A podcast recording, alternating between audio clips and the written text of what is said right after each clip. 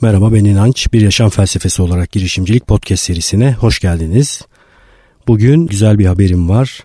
Tütüncü Cemil'in e, web sitesi hayata geçti. E-ticarete başladı. Sitenin adı Vito Andelini. Tek L var, tek T var. Vito Andelini. Godfather filmindeki karakterlerden birisinin adıydı galiba bu ama tam ismini kullanamadı çünkü o isimle site satın alınmıştı harf değişikliği yaparak Vito Andelini'yi almıştı e-ticaret sitesini kurgulamak üzere Cemil. E, sonra çalışmalara başladı. Şu anda site ürün satışına hazır halde önümde de açık bu arada. Tasarımı falan da çok güzel olmuş. Fotoğraflar zaten bir profesyonel arkadaşından yardım istemişti. Ürün fotoğraflarını o çekmiş. Ziyaret ederseniz çok memnun olacağını söyledi siteyi. En azından bir ziyaret etmiş olursunuz. İlgili olmayabilirsiniz tütünle, pipoyla ama ilgili olan arkadaşlarınıza önerebilirsiniz. Sitenin dışında iki tane de sosyal medyada hesap açmış. Facebook'ta ve Twitter'da.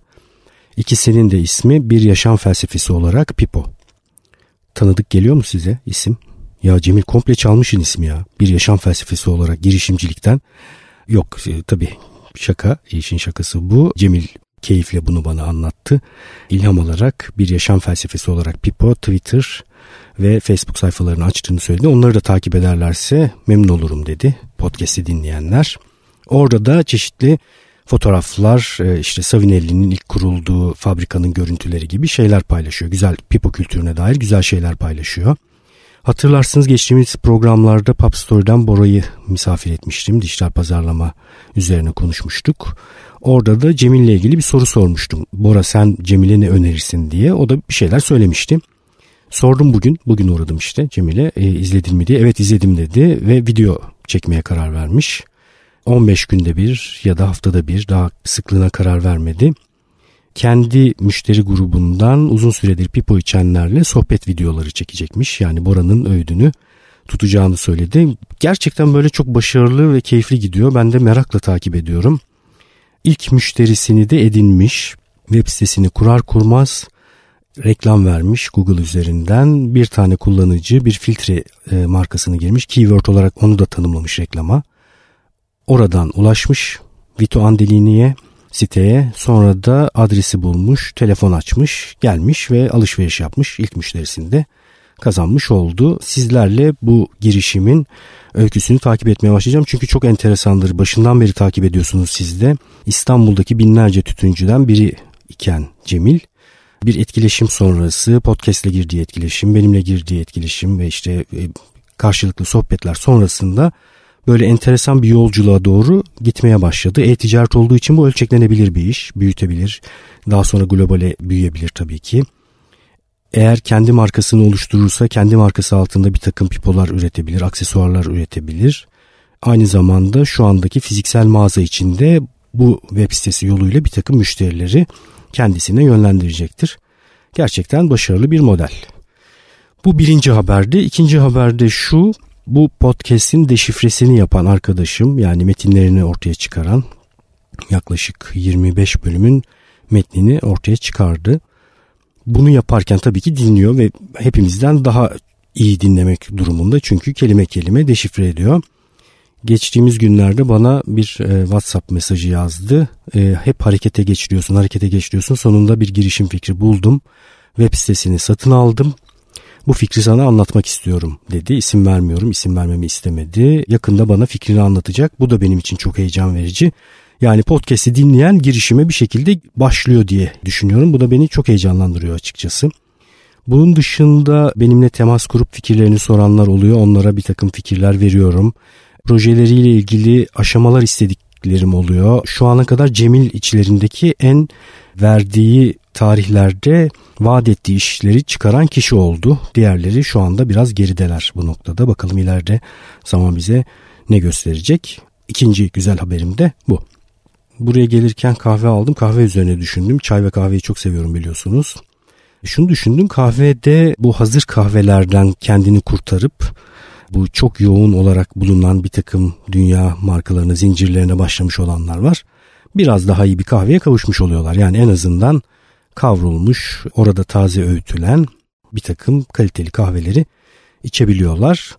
Ama burada durmuyor bu gelişim yolculuğu. Biraz daha okumaya ve öğrenmeye devam ederlerse üçüncü dalga kahvecileri keşfedebiliyorlar. Yani biraz daha taze kavuran, kahvesini kendisi kavuran. Çünkü bir takım zincirler kahvenin uzun süre tüketilebilir olmasını sağlamak için gereğinden fazla kavuruyorlar ve bu da kahvedeki bir takım lezzetlerin kaybolmasına neden oluyor. Halbuki biraz daha butik çalışan kahveciler kendileri tükettikleri sıklıkta kavurdukları için biraz daha iyi sonuçlar elde etmiş oluyoruz. Çekirdekten kendi kahvesini çektirenlere bir öğütüm çekirdeği kendilerinin öğüteceği hale getirmeleri evde basit el değirmeni olabilir onu kullanabilirler. Çünkü kahve öğütüldükten sonra hızla aromasını kaybetmeye başlıyor. Dolayısıyla çok ciddi bir damak tadı kaybına uğruyoruz. E tabi bu aşamadan bir sonraki aşamaya geçmek için öğrenmek gerekiyor. Araştırmak gerekiyor, meraklı olmak gerekiyor ve kendi yaşamını iyileştirmek gerekiyor. Öbür türlü size sunulanla yetinmek zorunda kalıyorsunuz ve çoğu zaman popüler olarak çok sıklıkla sunulan şeyler aslında o ürün kategorisinin en iyileri değil. Hemen hemen her alanda bunu düşünebilirsiniz. Yani hoparlör markalarına bakın. Çok yoğun olarak rastladığınız popüler ve kaliteli görünen markaların dışında butik üretim yapan ve çok daha kaliteli ama adı duyulmamış bir takım markalar olabiliyor. Ya da kıyafet alanında da aynı şeyi söyleyebiliriz. Hemen hemen her alanda geçerli bu. Bu tür ürün ve hizmetlerde daha iyisine ulaşmak bir çaba ve emek gerektiriyor. Bu çabayı emeği gösterenler buna ulaşmış oluyorlar. Bir tane de film önerisi yapmak istiyorum bu bölümde. Wong Kar Wai benim çok sevdiğim yönetmenlerden bir tanesi. Onun Chungking Express filmini herkese şiddetle öneriyorum. Bağımsız sinemacılardan sayabileceğimiz Wong Kar Wai'nin ilk filmlerinden bir tanesi. Çok keyifli bir film gerçekten. Keyif alırsanız e, Wong Kar Wai'nin diğer filmlerini de yavaş yavaş izleyebilirsiniz. Chungking Express. Orada da birkaç öykünün bir arada bulunduğu bir böyle gece başlayan hikayeyi takip ediyoruz. Karakterler de takip etmesi keyifli karakterler. Tarz olarak da görüntü yönetmeni çok iyi çalışmış filmde. Zaten daha sonra da o görüntü yönetmeniyle çalışmaya devam etti. Takip etmenizi öneriyorum. Evet şimdi startup dünyasına giriş yapalım. Bugün biraz büyüme konuşmak istiyorum. Biraz teknik konulardan bahsetmek istiyorum. Lean Startup, Yalın Startup kitabının yazarı Eric Rice'ın kitabının üzerinden geçeceğiz bir miktar ve büyüme üzerine konuşacağız. Büyüme için önerdiği dört tane yol var. Dört yolla büyür diyor startuplar. Bu dört yoldan birini kullanırlar diyor Eric Rice. Birinci yol ağızdan ağıza yayılma. Yani aşırı memnun olan, beklentileri aşılmış olan, beklentilerin çok üstünde bir ürün ya da hizmetle karşılaşan kullanıcılar sizin ürününüzü başkalarına anlatarak yayılmasını sağlayabiliyorlar. Mesela bu podcast'in yayılması için önemli bir etki bu. Ağızdan ağza birbirini önererek bu podcast'i yayan insanlar olduğunu biliyorum. En önemli büyüme stratejilerinden bir tanesi bu. Beklentileri aşan bir ürün ve hizmetiniz olacak ve kullanıcılarınız aşırı memnun olacaklar. Dolayısıyla da başkalarına da bunu tavsiye edecekler. İkincisi ürünün kullanımının yan etkisi yoluyla oluşan büyüme etkisi. Yani ürünün kendisi kullanılırken başkaları kullanıldığı durumları gördüğü için görerek merak ediyorlar ve viral hale gelebiliyor. İşte buna hangi ürünleri örnek verebiliriz? Facebook, olabilir. E, Facebook örnek verebiliriz ya da çok kaliteli çanta markalarını örnek verebiliriz. Arabalar buna örnek gösterilebilir. Ürünün kendisinin kullanılıyor olması onu görünür hale getirdiği için insanlar yavaş yavaş o ürünü merak edip o ürünü kullanmaya başlayabiliyorlar. Bu da ürünün görünür hale gelmesi nedeniyle oluşan bir büyüme sağlıyor bize.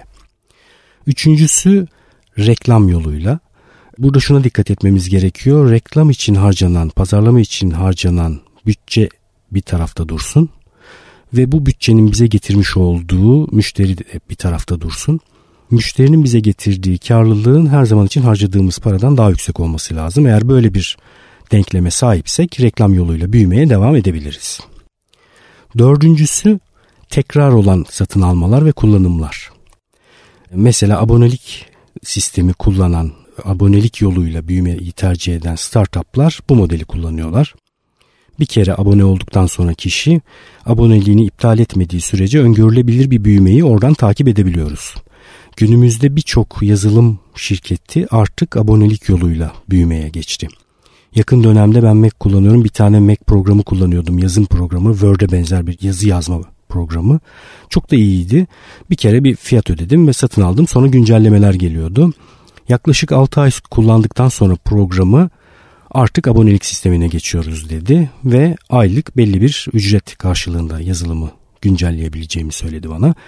Bunun tehlikesi şu eğer baştan abonelikle başlamadıysanız benim gibi bazı kullanıcıları kaybedebiliyorsunuz. Çünkü ben yazı yazma programına her ay belli bir para vermeyi çok gerekli bulmuyorum. Çünkü aynı hizmeti ücretsiz bir şekilde birçok program yoluyla sağlayabiliyorum. Yani başta abonelikle başlamayıp sonra aboneliğe dönüştürmek iyi bir teknik değil. En baştan itibaren ama abonelik düşünürseniz avantajlısınız. Yani aboneliğe dayalı bir büyüme stratejisi en önerilen stratejilerden bir tanesi günümüzde startup dünyası açısından. Startuplarla ilgili kitap içerisinde tabii bir sürü şey söylüyor Erik. Onlardan da bir miktar paylaşacağım. Ee, mesela e, söylediği güzel şeylerden bir tanesi startuplar açlık çekmezler fikir açısından boğulurlar diyor.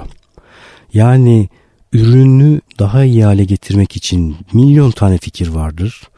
Ee, pazarlama ile ilgili, müşteri ilişkileri ile ilgili, arayüzle ilgili yani kendi ürün ya da hizmetinizle ilgili yapabileceğiniz binlerce, yüz binlerce şey var.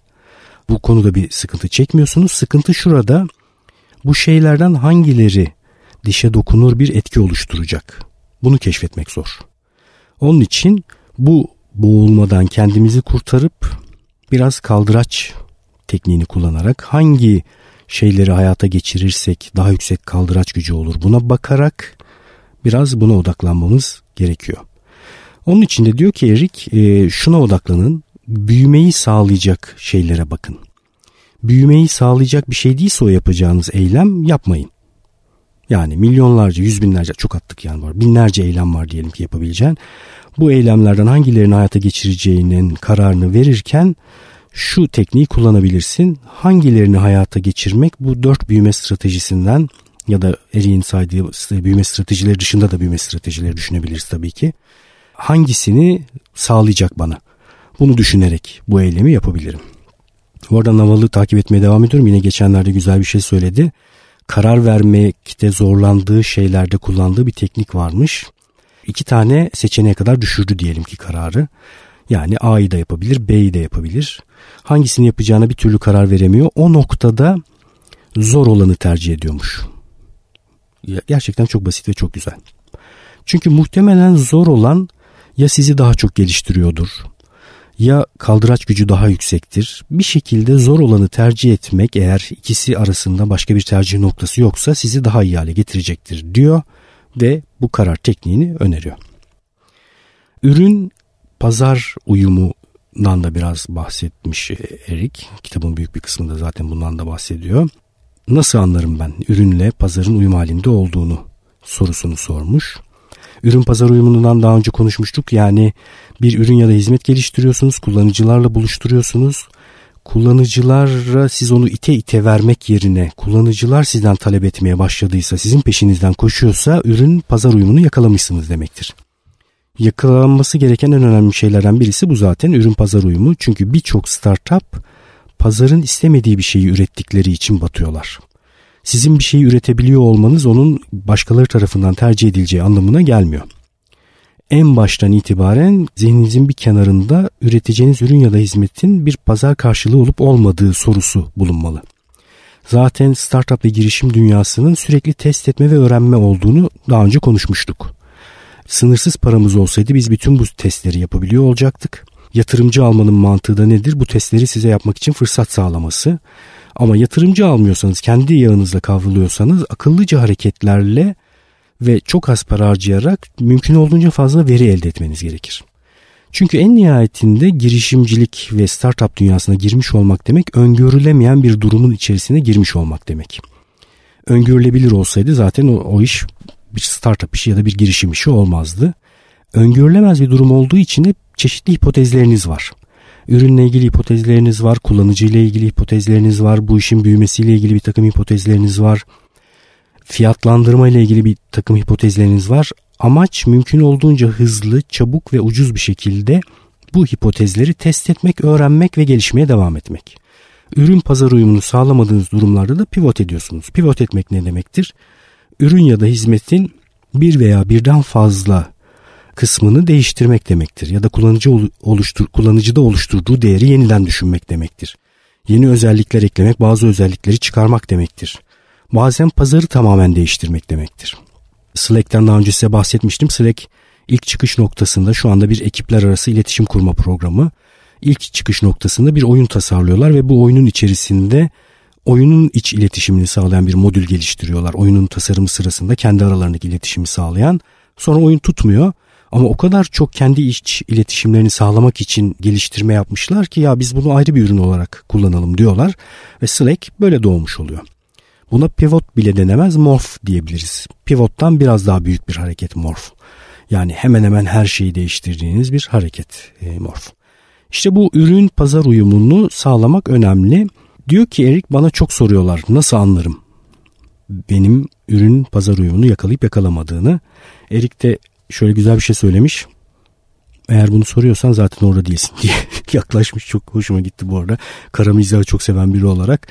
Yani olsaydı anlardın demiş.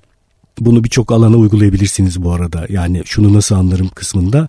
Valla zaten olsaydı anlardın mantığı birçok yere uygulanabilir.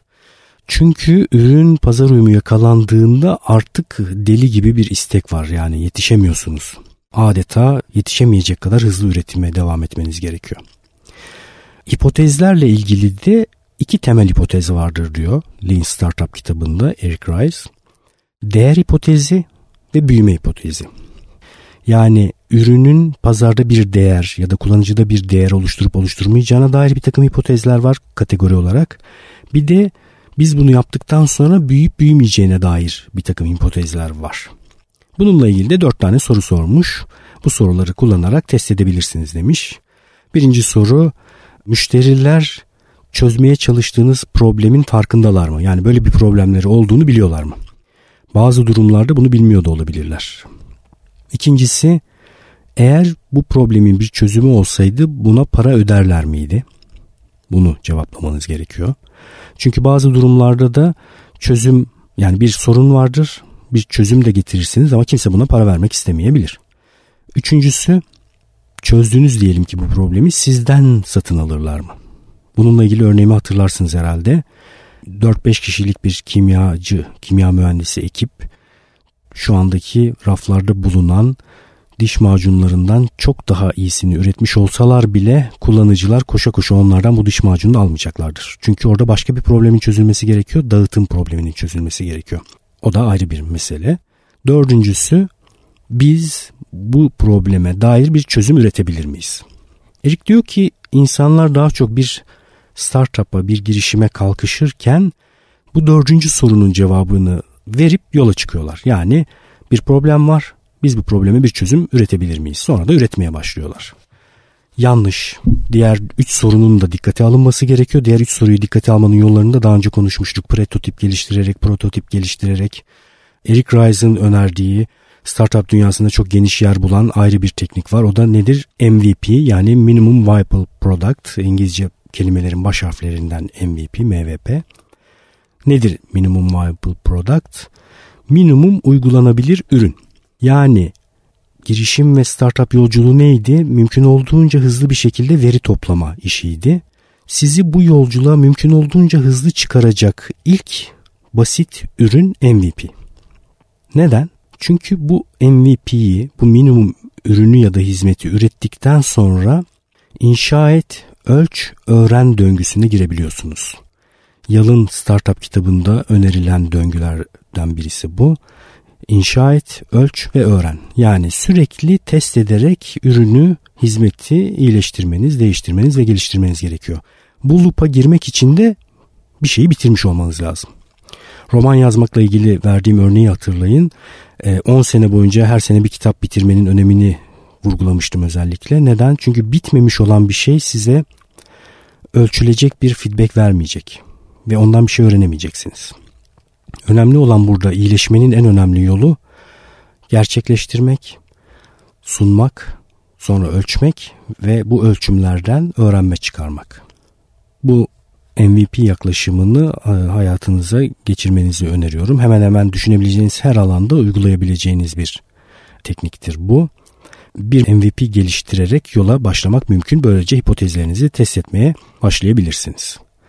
Şu kuralı uygulayın diyor Eric MVP geliştirirken minimum uygulanabilir ürünü geliştirirken bu MVP'nin geliştirilmesi sırasında kullanacağınız tek bir kural var. Her tür özelliği, e, işleyişi ve çabayı eğer öğrenmeye hizmet etmiyorsa gözden çıkarın diyor. Yani sizin temel hipotezlerinizi test etmeniz için size herhangi bir öğrenme çıkarmayacaksa MVP'nin bir parçası olmamalıdır o diyor. Bu kadar basit. Evet. E, growth yani büyüme üzerine e, bu bölümde biraz konuştuk. Büyüme baştan düşünüldüğü zaman birçok açmazı daha yaşamadan ortadan kaldırmış oluyor. Ben önemli bir nokta olduğunu düşünüyorum. İnsanlar kendileri tabii ki bir şeyleri yapmaya başlayarak yol boyunca da öğrenebilirler ama bu güçlü fikirler ve bir takım çerçeveler bize ne kolaylık sağlıyor? Bazı şeyleri yaşayarak öğrenmemize gerek yok. Yaşayarak öğrenmek maliyetli bir şey. Sadece yaşanarak öğrenebilecek şeyleri yaşayarak öğrenmeye çalışmak lazım. Onun ötesindeki şeyleri yani deneyime dayanması gerekmeyen bir takım şeyleri başkalarından öğrenebiliriz. Bir takım güçlü fikirlerden öğrenebiliriz, kitaplardan öğrenebiliriz, uzmanlardan öğrenebiliriz. Ee, onun için bu kaldıraç gücünü kullanarak yolumuza devam etmek bizi daha güçlü kılacaktır. Minimum viable product yani minimum uygulanabilir ürün bu kaldıraç güçlerinden bir tanesi ve bu MVP'yi hayata geçirirken de büyüme anlayışıyla yani büyüyecek mi bu şey büyümeyecek mi meselesini baştan bir sorun olarak ortaya koymak birçok açmazı kapatacaktır. Hatta bu filtreyi kullanarak bazı fikirleri hayata geçirmekten vazgeçebiliriz bile. Çünkü bazı fikirler sadece yüksek reklam harcamalarıyla ancak ayakta durabilir ya da yüksek satış gücüyle ayakta e, durabilir ve bir büyüme motoru inşa edilmemiştir. Yine Eric Rice'in kullandığı e, terimlerden birisi büyüme motoru. Motor nedir? Büyüme motoru nedir? Kendi başına çalışan bir büyüme, büyüyen bir tarafı vardır. Yani ürününüz iyi, ağızdan ağıza yayılmaya başlıyor. Burada tabii ki bir takım ölçe, ölçülebilir metrikler kullanıyorsunuz. Ee, daha sonra bahsederiz bu metriklerden de. Yani bazı temel ölçekleri takip ederek sizin işinizin büyüyüp büyümediğini görmeniz mümkün. Bu şeyleri takip ederek büyüme konusunda bir sıkıntı yaşayıp yaşamadığınızı görüyorsunuz. Evet, girişimcilik üzerine düşünmeye devam edeceğiz. E, şu anda inançayar.com podcast sekmesinde 40. bölüme kadar linkler, bölümde iç, ismi geçen e, kitaplar kişilere ulaşabiliyorsunuz. Onlar siteye yerleştirildi en sonunda. Her bölümde bunu söylüyorum ama bir türlü bulamıyordunuz. Belki de bana kızıyordunuz. E, her bölümde söyleme nedenim şu 4 ay 5 ay 6 ay sonra da birileri dinlemeye devam edecek bu podcastleri baktıklarında ulaşabilsinler diye söylüyorum. E-posta adresimi kolay hatırlanamaz bulan birileri oldu aranızda işte web sitesine girdim sonra işte biraz zor buldum diyenler e, bir tane kolay e-posta adresim var onu kullanalım. İsim soyad inancayar.gmail.com'a e-posta gönderebilirsiniz. E, sorunuz varsa sorabilirsiniz. Bir e, sohbet e, yoluyla bana bir takım fikirleri anlatmanız gerekiyorsa oturup çay içebiliriz, kahve içebiliriz ve fikrinizi dinleyebilirim. E, yardımcı olabileceğim nokta varsa yardımcı olmaya çalışırım. İnanç Ayar Instagram hesabından beni takip etmenizi isterim. Bir de artık inançayar.com web sitesine girdiğinizde bir tane e-posta e, listesine üye olabiliyorsunuz. Bu da önemli çünkü haftada bir e, bir takım işte linkler, kitaplar, kitap önerileri ve podcast'te bahsetmediğim bir takım şeyleri yazarak insanlara göndermeyi planlıyorum. Bir de sizinle aramda bir iletişim kanalı kurmak istiyorum. Bu e-posta listesi bunu sağlayacak. E, bir takım eğitim haberlerini size gönderebileceğim, duyurabileceğim. Bir takım organizasyonlar olursa onları duyurabileceğim. Onun için web sitesine girip listeye üye olursanız memnun olurum. Görüşmek üzere.